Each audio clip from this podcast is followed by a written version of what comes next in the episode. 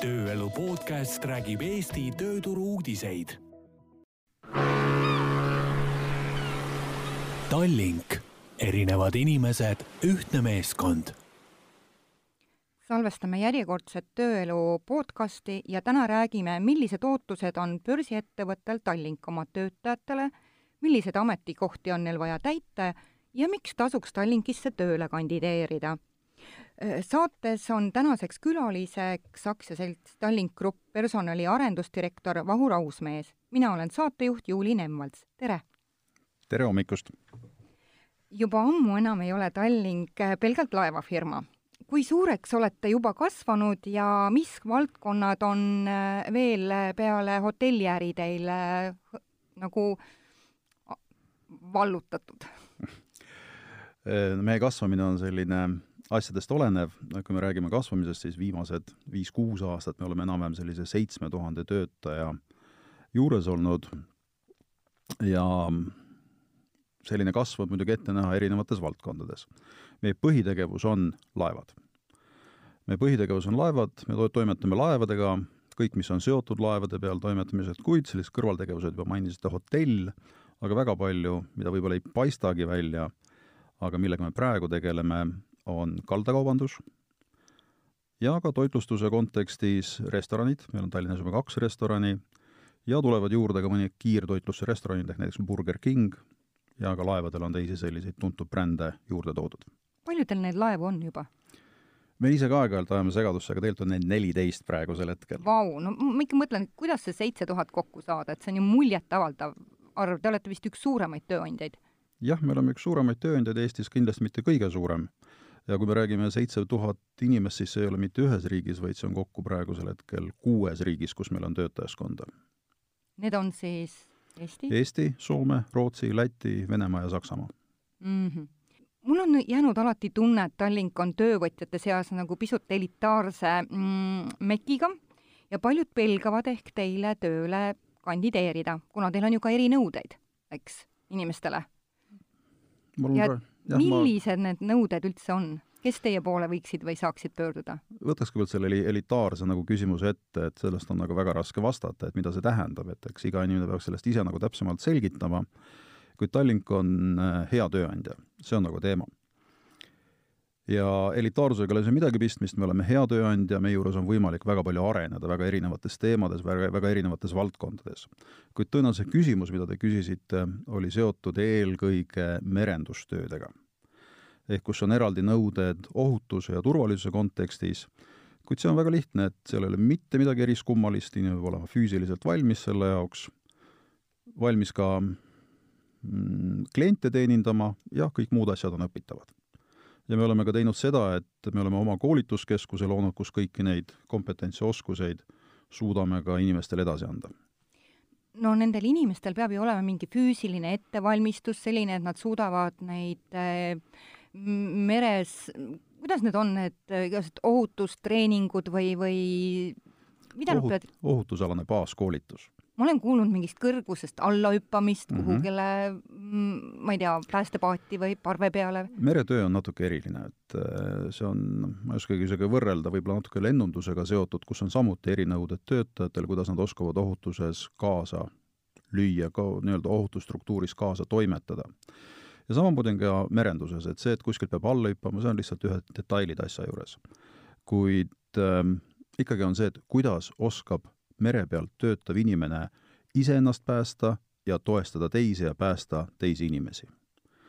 ehk äh, kõik, mis on sellega seotud nii-öelda oskused ja tegevused. Aur, kuidas erineb merel töötamine kaldapersonali omast ja, ja millised nõudmised on just äh, neile, kes siis tahaksid just tulla laevale tööle? Äh, nüüd väga mingisugust erilist äh, nii-öelda inimgruppi see kindlasti ei eelda, see on kõige tavalisemad mõistlikud inimesed, neid eristab ainult üks väikene isikuomadus. Nad on harjunud ise hakkama saama. aga nad on harjunud ise hakkama saama koos oma meeskonnaga. sest noh, see on paratamatus, et kui laev on mere peal, siis abi on suhteliselt kaugel. et kõigepealt tuleb ikkagi olukorrad lahendada ise koos oma meeskonnaga ja see on ka üks meie põhiväärtusi, mis on siis koostöö. nõus aga peale selle veel, et inimene peab suutma siis nagu ise hakkama saada, oma peaga mõtelda, vastutust võtta, milliseid hoiakuid veel peab inimesel olema või evima, et teie meeskonnas nagu tööd saada, mis on veel oluline? väga suur ja tähtis osa on professionaalsus ja see vahet ei ole, kas inimene töötab maa peal, hotellis, restoranis, maa peal, mingis teises nii-öelda kiirtoidurestoranis või kaupluses maa peal, vahet ei ole. professionaalsus. Me eeldame, et inimene on professionaal, ta oskab oma tööd, teeb seda väga hästi, teeb seda pühendunult ja teeb seda suure rõõmuga. et need on ka need meie neli põhiväärtust, mille peale me Ehm, eeldame, et meie töötajad on nende väärtustega sina peal, toimetavad nende järgi ja rakendavad neid igapäevaselt töökeskkonnas. ma arvan, et see on päris äh, trikiga ülesanne, et kuidas panna kuue riigi töötajad, seitse tuhat viissada inimest äh, ühtsete väärtuste eest äh, seisma. kuidas te teete seda, Vahur?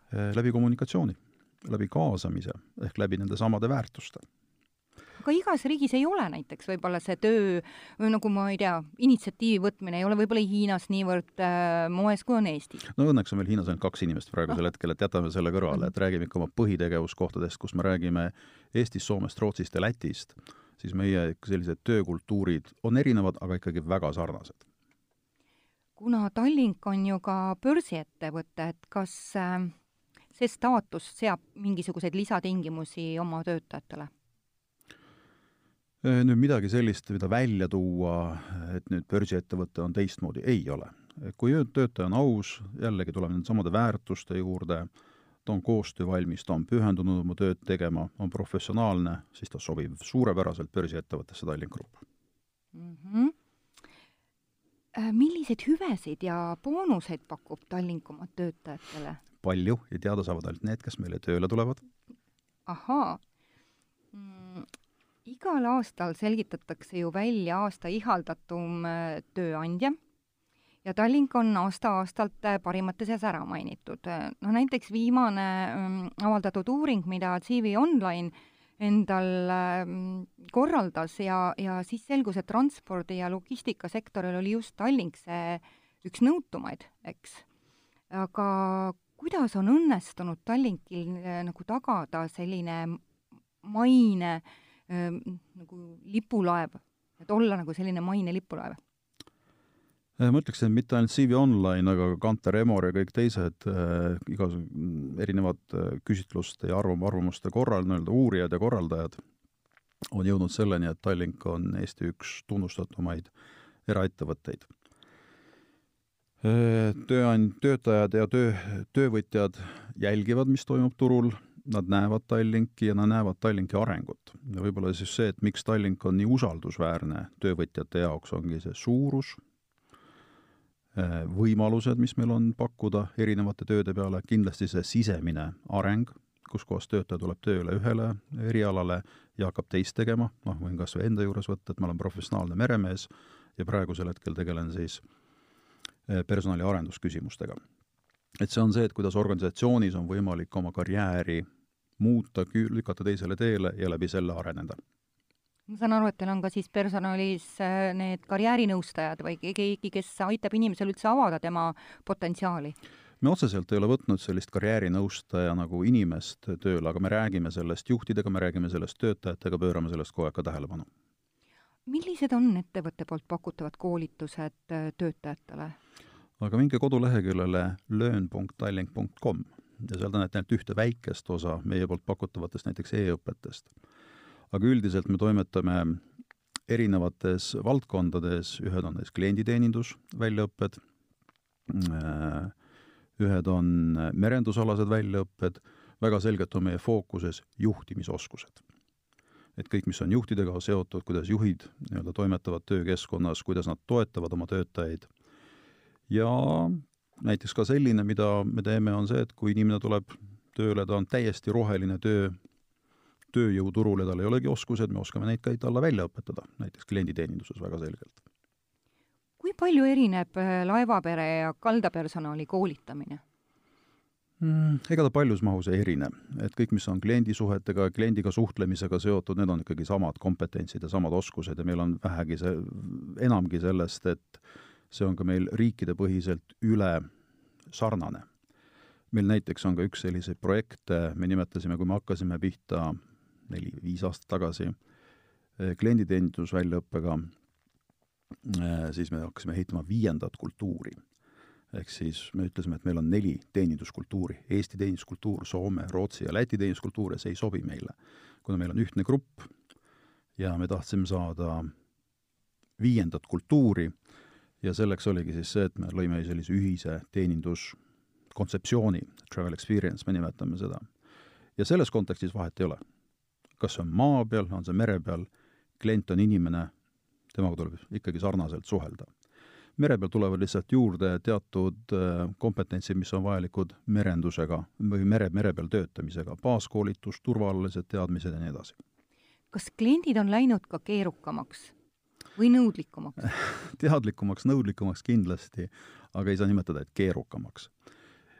Kui klient saab hea teenuse, kui kliendiga suheldakse partnerluse, mitte nii-öelda alama või mingit muul nii-öelda tasandilt vaadates, vaid just partneritena, siis kindlasti klient on alati hea ja meie kliendid on maailma parimad, seda on meie kliendid.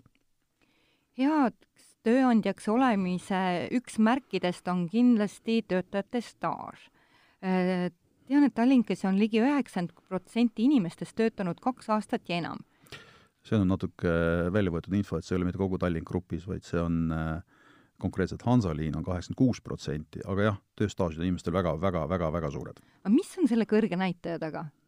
Millised... kindel tööandja ehm,, stabiilsus, mida pakub suur tööandja, kõigi nende võimalustega, noh, ennem küsisite, millised on need soodustused, mida töötaja saab, kõik need seal taga töötasu on väärikas, suhtumine töötajasse juhtide poolt, see on tegelikult see kõige suurem teema. kuidas me töötajasse suhtume, kuidas me temaga suhtleme, kuidas me temaga arvestame, kuidas me tema mõtted jõuavad kogu ärisse tagasi, siis see loobki sellise pikaajalise töösuhte. Ehm, ma saan aru, et Tallinkis töötavad nii töölepinguga inimesed kui tähtajalise lepinguga, teil on ju palju hooaja, hooajatöötajaid. tähtajaline on ka tööleping mm. -hmm. mis kanalite kaudu te otsite neid? väga palju. Äh, see on äh, selline traditsioonilised, ennem te nimetasite CV Online'i, seal me otsime arvestatavat hulka meie töötajaskonda, sellepärast me suudame ka seal nii-öelda olla pildil ja tähelepanus töövõtjate poolt. Äh, kindlasti kõik nii-öelda traditsioonilised kanalid, uus selline kanal on digitaalsed sotsiaalmeediakanalid, mida me kasutame, kuni siis selliste tarkade tehnoloogiateni, et saada teada, kes kus kohas asub telefoni järgi ja kuidas temani jõuda, las see jääb nii-öelda saladuseks natuke. aga ka kõik muud asjad, et eh, eks see on see hea sõna, et meie, kui, kui me suhtume oma töötajasse hästi, me, siis on ka töötaja see, kes annab hea sõnaga asja edasi. ja tegelikult loob selle kuvandi. viimane just me rääkisime mm, oma töökeskkonna spetsialistiga, kes ühes teises ettevõttes tegi töökeskkonna volinike koolitusi ja tõi hästi-hästi palju näiteid Tallinki töökeskkonnast, mida meie jaoks on tegelikult üks selline väike edulugu. tõi nagu selliseid näiteid ja see oli mitmepäevane koolitus ja järgmisel päeval hakkasid inimesed küsima, et kuulge, et aga kuidas Tallinki tööle saab, et et see on selline hea sõnaga meelespidamine, see kindlasti loob selle milliseid töötajaid või milliseid ametikohti teil on vaja täita? Vau, see oli nüüd hea küsimus, soovitan minna leheküljele tallink.ee, kerida sinna täitsa alla, seal on Tule tööle. ja seal on meil kõik need kategooriad olemas ja kõik inimesed, kes soovivad meil töötada, on teretulnud. kui ma nüüd äh, mõtlen seda, et kui mingist kanalist, te ütlesite, et te otsite isegi, vaatate ära telefoni positsioneeringu, siis ju ütleme niimoodi, et traditsioonide järgi on harjutud, et ütleme, et seal Ekspressist ja Äripäevast leiab juhtidele pakit-, pakutavaid töö, nagu kuulutusi, aga ütleme, selline lihtsam, lihtsamad tööd, kus need siis ennast nagu võiksid leida või saada kõnetatud? noh, kui te juba tõite välja sellesama CV Online, CV keskused, kohalikud lehed, ühistranspordis olevad kohad, tavaline Facebook ja kõik muud asjad, et ja meie enda, enda kodulehekülg, pluss siis meilidega tuleb väga palju selliseid soovitusi sisse, et kõik need kanalid on kaetud mm. -hmm räägime natukene hooajatöödest mm. -hmm. et mis on, millal üldse hakkab Tallinkis hooaeg? siis, kui tuleb reise. aga reise hakkab ikkagi kevade poole reisima, kui on mingisugused tähtpäevad, jõulud ja nii edasi, aga eks ka natuke on meil see seotud ilmastikuoludega. et ütleme, kui jää on läinud? kui jää on läinud, hakkab reisija tulema, väga lihtne.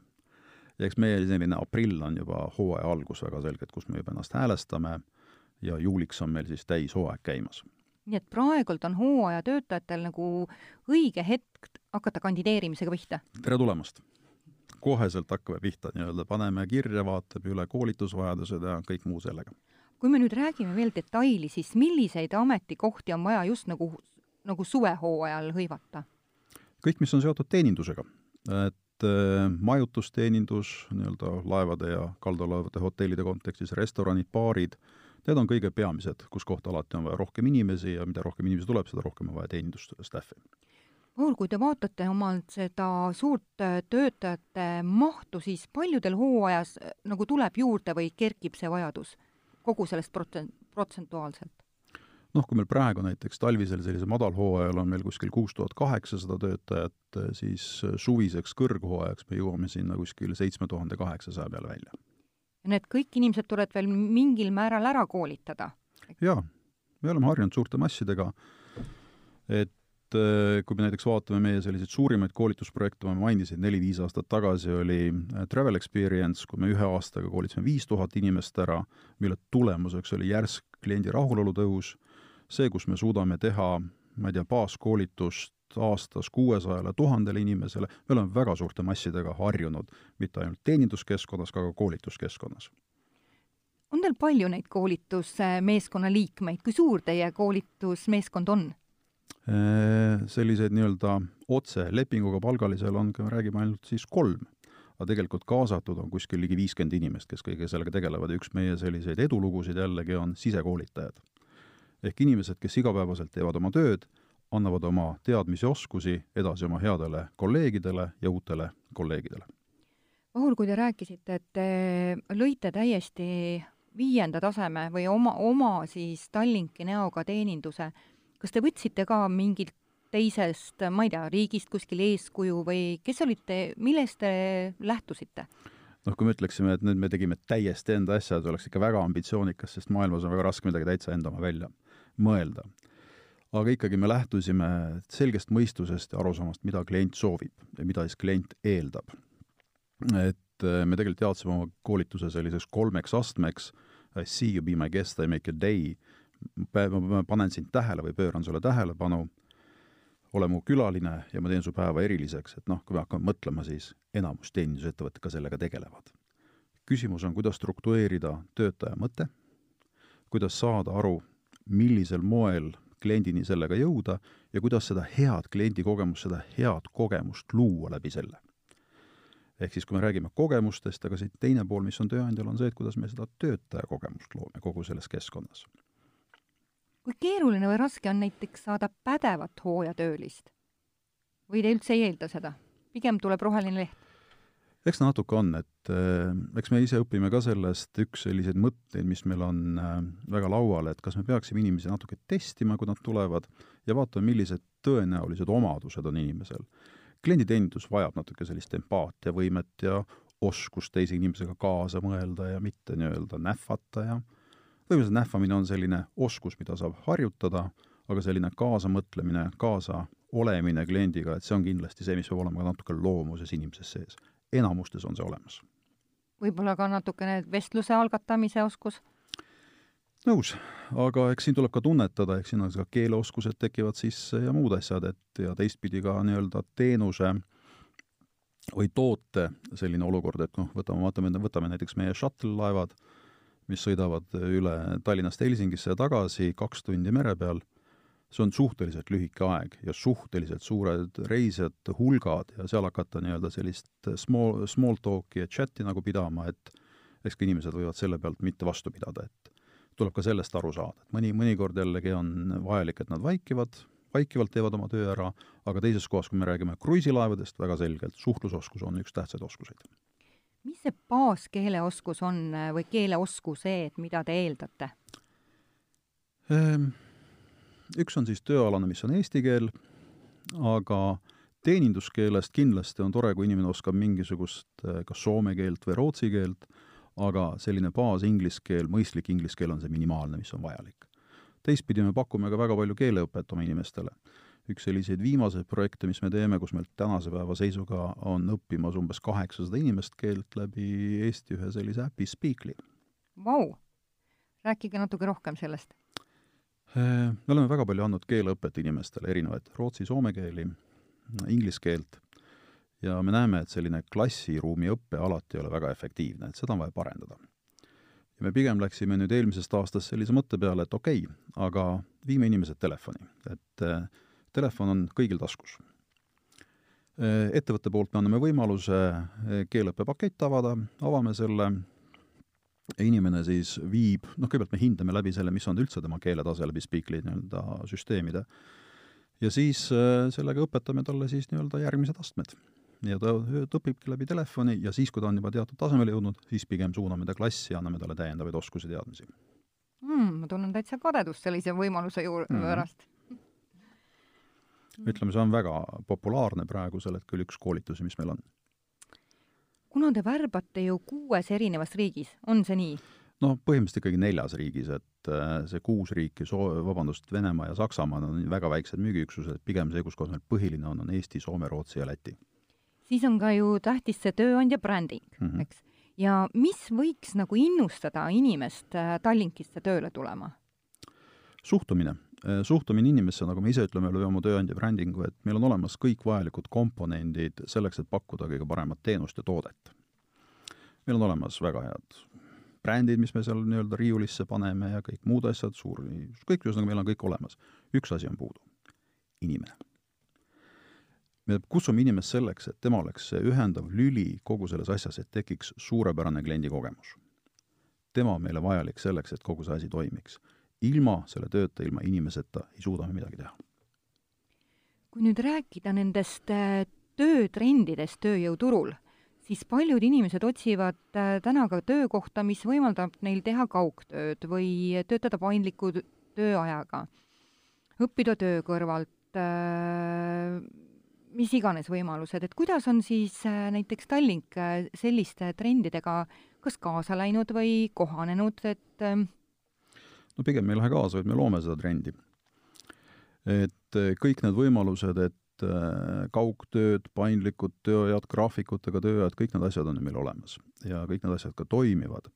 ainuke nüüd selline pisiasi oleks siis nagu laeva peal, et tõenäoliselt ei tahaks omale saada klienditeenindajat, kes kalda pealt teid teenindab, nii et siin ei ole parata midagi, et laev läheb merele ja seal peavad inimesed peal olema.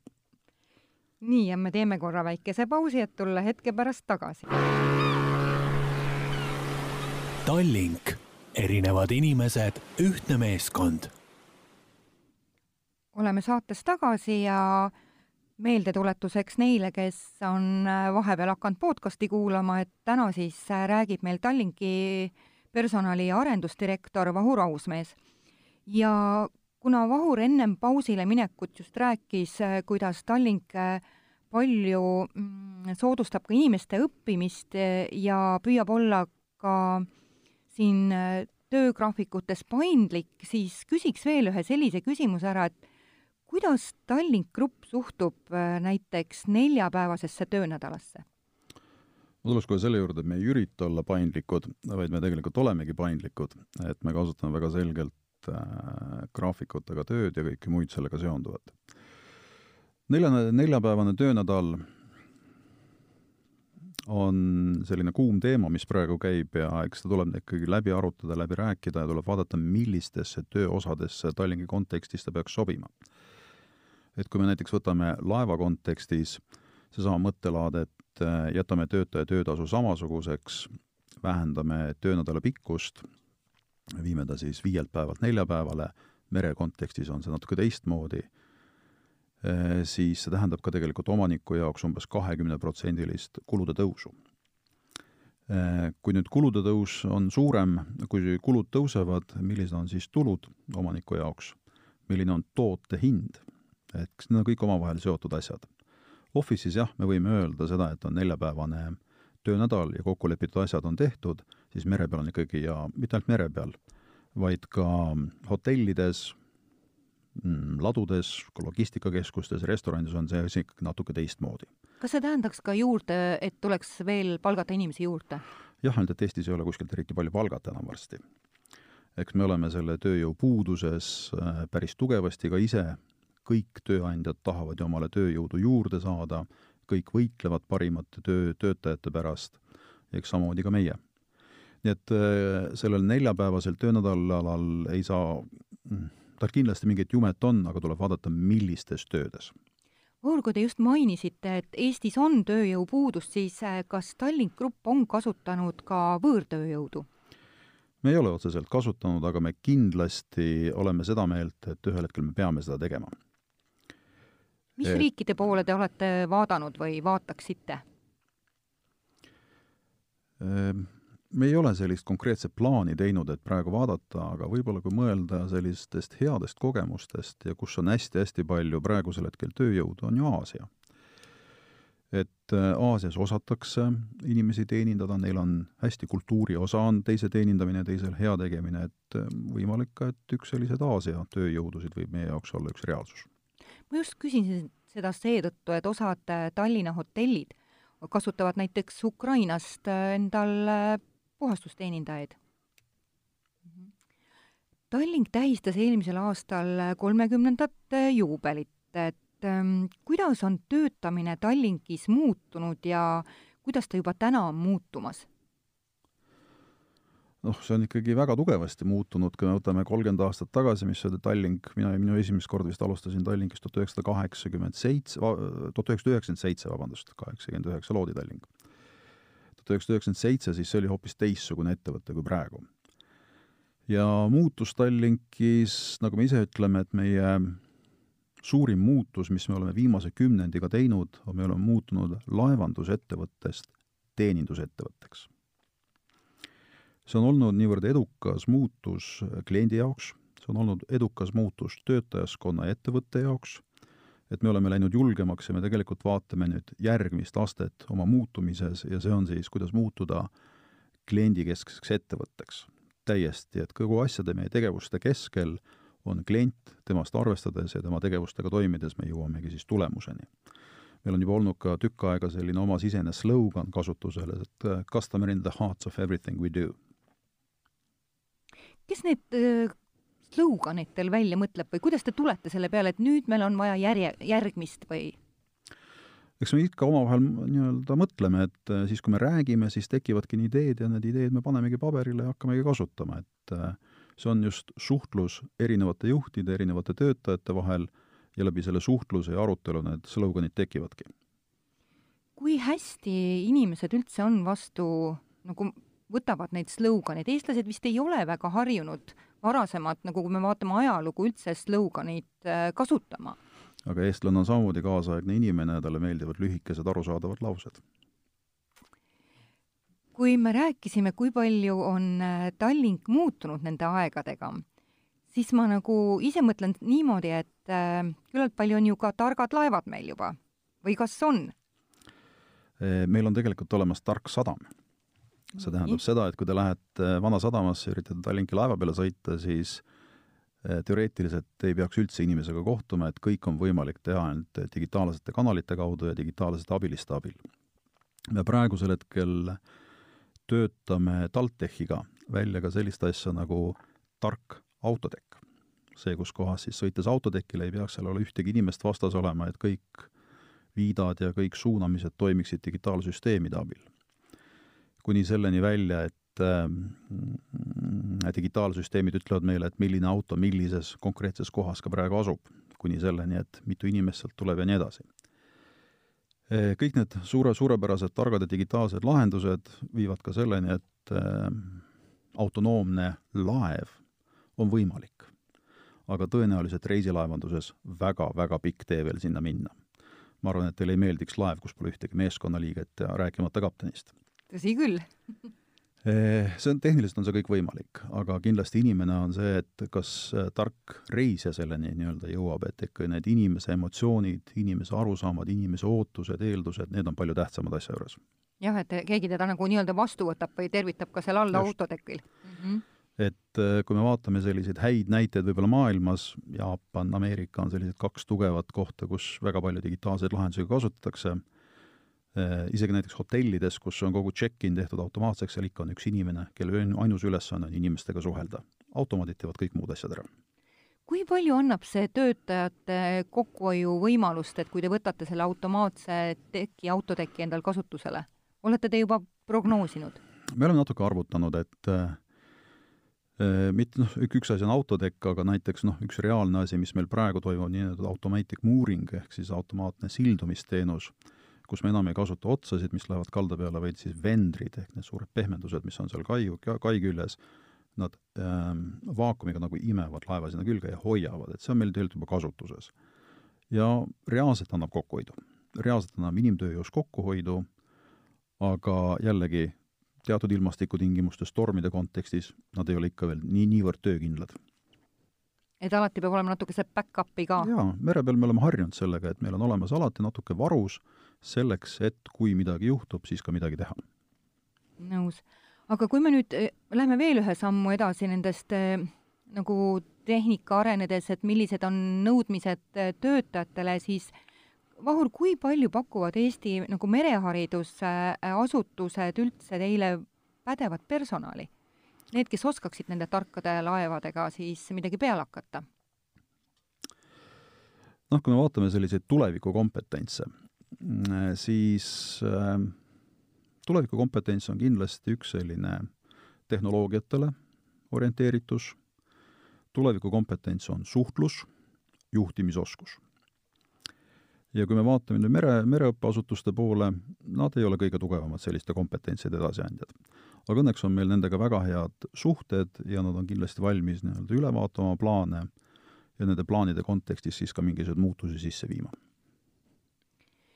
kui äh, äh, rääkida nüüd, nüüd ühest küljest, et äh, laevad lähevad nutikamaks ja samas on ka keskkonnanõuded, mis muutuvad palju nõudlikumaks ja te peate võtma palju rohkem keskkonnasäästvaid äh, laevu kasutusele, siis tekib alati mingi küsimus või tekib küsimus, et äh, kus kohas on see kasumipunkt, sest iga laev, mis on äh, keskkonnasäästlikum, on ju seda kallim, see tehnoloogia ma kindlasti ütleksin, et laevad ei lähe praegusel hetkel nutikamaks.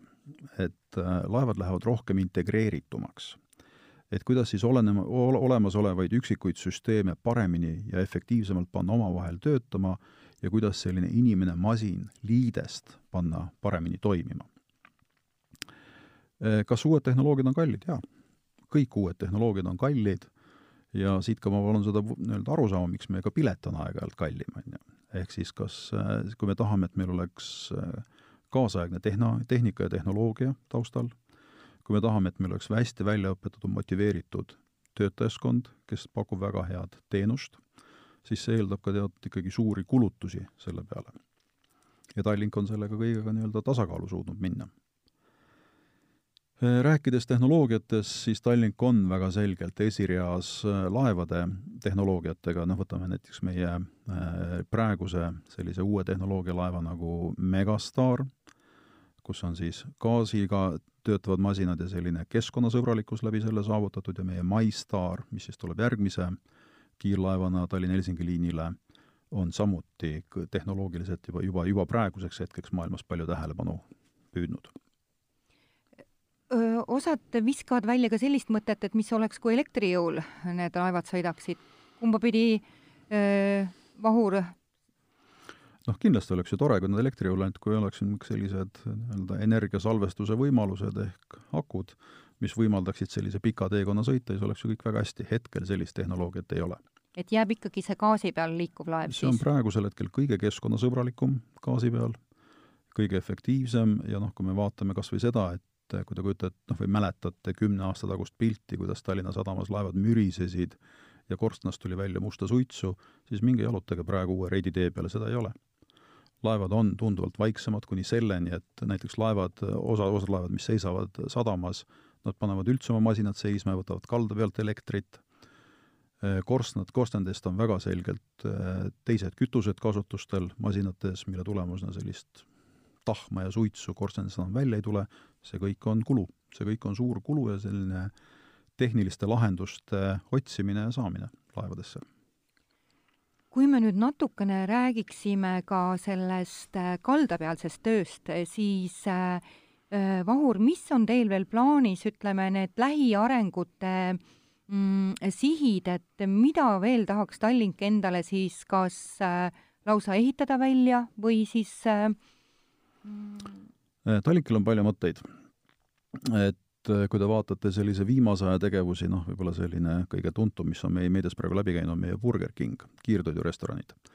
meil on suur ambitsioon kolmes riigis lähi viie aasta jooksul saada ikka arvestatav hulk äh, kiirtoitlustusrestorane ja mitte ainult restorane, vaid väga hea kvaliteediga restorane, kes suudavad nii-öelda pakkuda kliendile väga head kogemust käima. üks selline kuidas üldse küpses selline mõte, et Burger King siduda Tallinkiga?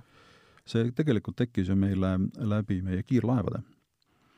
ja äh, kiirlaevade peal äh, Megastar ja Star on meil juba olemas, äh, Burger Kingi restoranid.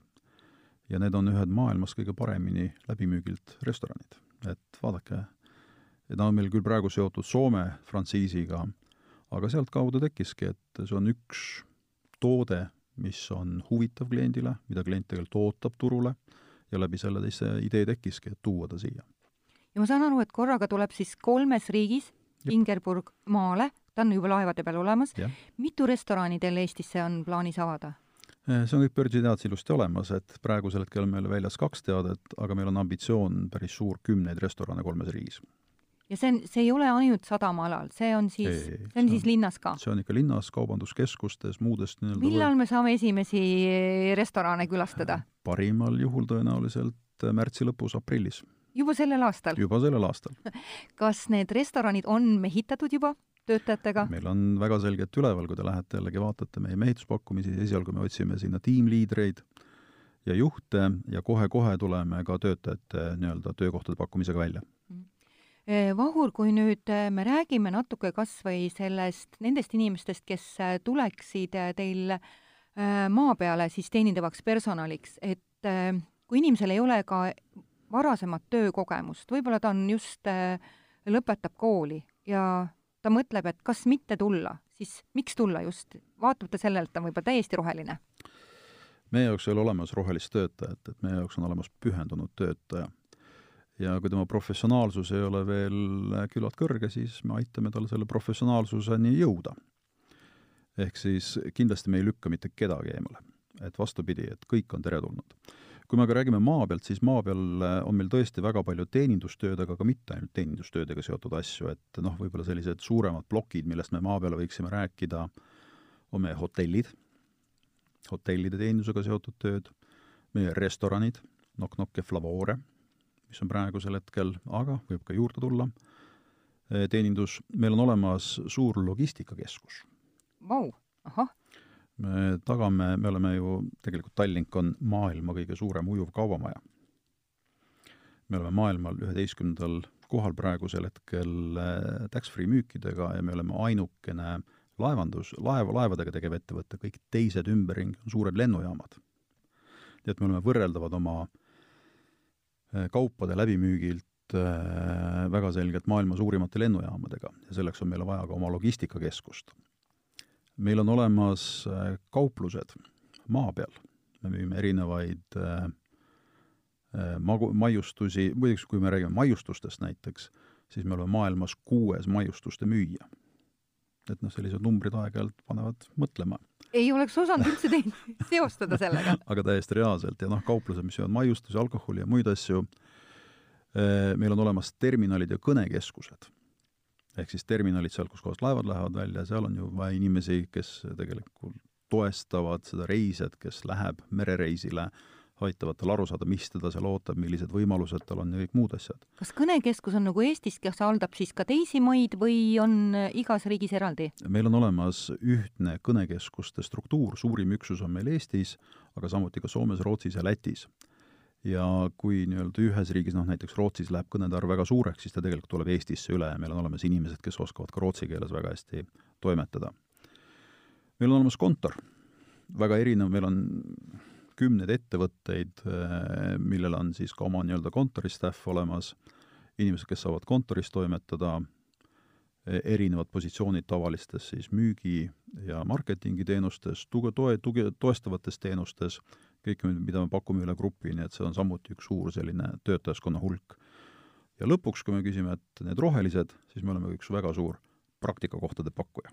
ahaa, ja nüüd need, kes tahaksid tulla praktikale, et mida nad peaksid tegema? selleks tuleb lihtsalt minna meie kodulehele jällegi ja avaldus saata, et soovin praktikat seal ja seal. Vahur, mul on selline tunne, et ei ole vist ametit, mida ei annaks teha Tallinki alt mm.. vot hobustega ei ole meil mitte midagi veel seotud aga põhimõtteliselt küll, et äh, see võimalus ja tegelikult nagu me räägime ka kõigile uutele inimestele, kes meile tulevad, äh, meil on selline uue töötaja päev olemas, et äh, kus sa mõtled olla näiteks kolme aasta pärast ja see on nagu esimest korda, kui inimene hakkab mõtlema, et ohoo, aga Tallink on niivõrd suur, et ma tulen küll selle karjääriredeli või eriala peale, aga tegelikult ma saan ka sellist asja ja sellist asja teha.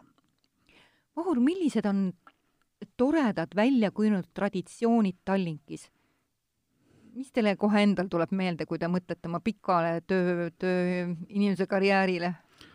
Äh, selliseid, noh, praegu just meil on seitsmendal veebruaril on tulemas Tallink Gala, et see on üks meie selliseid aasta tippüritusi, kus me ütleme aitäh oma parimatele töötajatele. Siis see on kindlalt üks selliseid äh, tippsündmusi, üks parimaid sündmusi, mida me teeme. me oleme selle eest saanud ka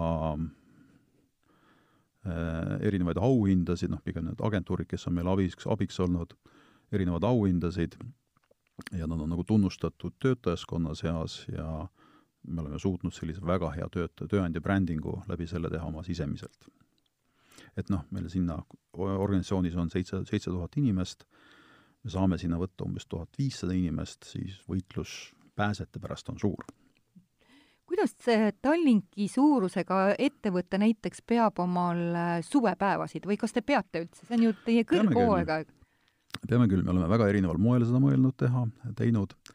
Ja meie viimane, ütleme, me pidasime nagu sellist kahte suurt üritust, eraldi olid äh, nii-öelda suvefestival ja perepäev, nüüd me oleme viimasel ajal nad kokku toonud omavahel. Ja sellel, vabandust, eelmisel aastal oli ta meil äh, ajaloomuuseumi, filmimuuseumi hoovi peal, kus siis kogu üle nelja, nelja riigi siis peamiselt äh, tuli siis töötajaskond oma peredega kokku ja oli selline tore, tore päev. väga muljetavaldav, kui praegusel ajal ikkagi ettevõtted on kokku tõmmanud selliseid ka suvepäevasid ja rääkimata sellest, et on vähemaks jäänud seda peredega koos olemise üritusi me pigem nagu ikkagi soodustame seda ja niikaua, kui meil on olemas tänuväärselt kliente ja reisijaid, me suudame seda ka oma töötajatele pakkuda, et see on kindlasti üks osa sellest töötaja kogemusest, mida me saame oma töötajatele anda. Vaur, kui palju on tegelikult ikkagi eh, lennundus laevandusele nagu kandadele astunud või astumas või kas on üldse? sest inimesed on hakanud ju rohkem reisima ja hästi palju lendavad kas te tunnete seda? jah, kindlasti, et mitte ainult lennundus, tegelikult meie kõige, kui me nüüd räägime meie tootest, siis meie kõige suurem konkurent on diivan oh.. et eh, kui te mõtlete sellise meelelahutuse ajaveetmise peale, siis kas te tahate õhtul kinno minna, te võite rahulikult avada oma teleri diivani peal ja kõik needsamad filmid, mis praegusel hetkel jooksevad kinos, te võite vaadata. Ja ongi selline vaba aja veetmise teema on suur, nõus. Inimesel on tänapäeval väga lihtne, selle asemel, et minna, ma ei tea, näiteks Tallinn-Stockholm kruiisile, mis on selline muljetavaldav, sa saad hea kogemuse saarte vahel sõites ja nii edasi, aga sa võid täpselt sama hästi osta lennupileti, pikk nädalavahetus Pariisis, Londonis ja igal pool mujal. Nii et inimestel on tulnud rohkem äh, ka valikuid? inimestel on valikuid ja erinevate vaba aja veetmise võimaluste pakkujad omavahel ju võistlevad et äh, noh, võtame kas või siis sellised suured näited, et ähm, mm, Walt Disney Resortid näiteks, nemad teavad väga hästi, et äh, et kes on nende konkurendid, et näiteks ma mäletan kunagi Walt Disney on selle kohta ka öelnud, et kes on siis Walt Disney Resortide kõik, kõige suurem konkurent, on kõik need, kes võtavad kliendilt raha ära. täpselt samamoodi on ka meie äris ja täpselt samamoodi igas teises äris kõik võitlevad kliendi pärast. aga jällegi, kas ainult võtta see raha ära või pakkuda selle eest parimat kogemust. see on siis see, millega meie tegeleme, et pakkuda seda parimat kogemust kliendile. Ja selle mõttega me saamegi tänase podcasti lõpetada kuulasite täna Tööelu saadet, kus külaliseks oli aktsiaselts Tallink Grupp personali arendusdirektor Vahur Ausmees. mina olen saatejuht Juuli Nemvalts.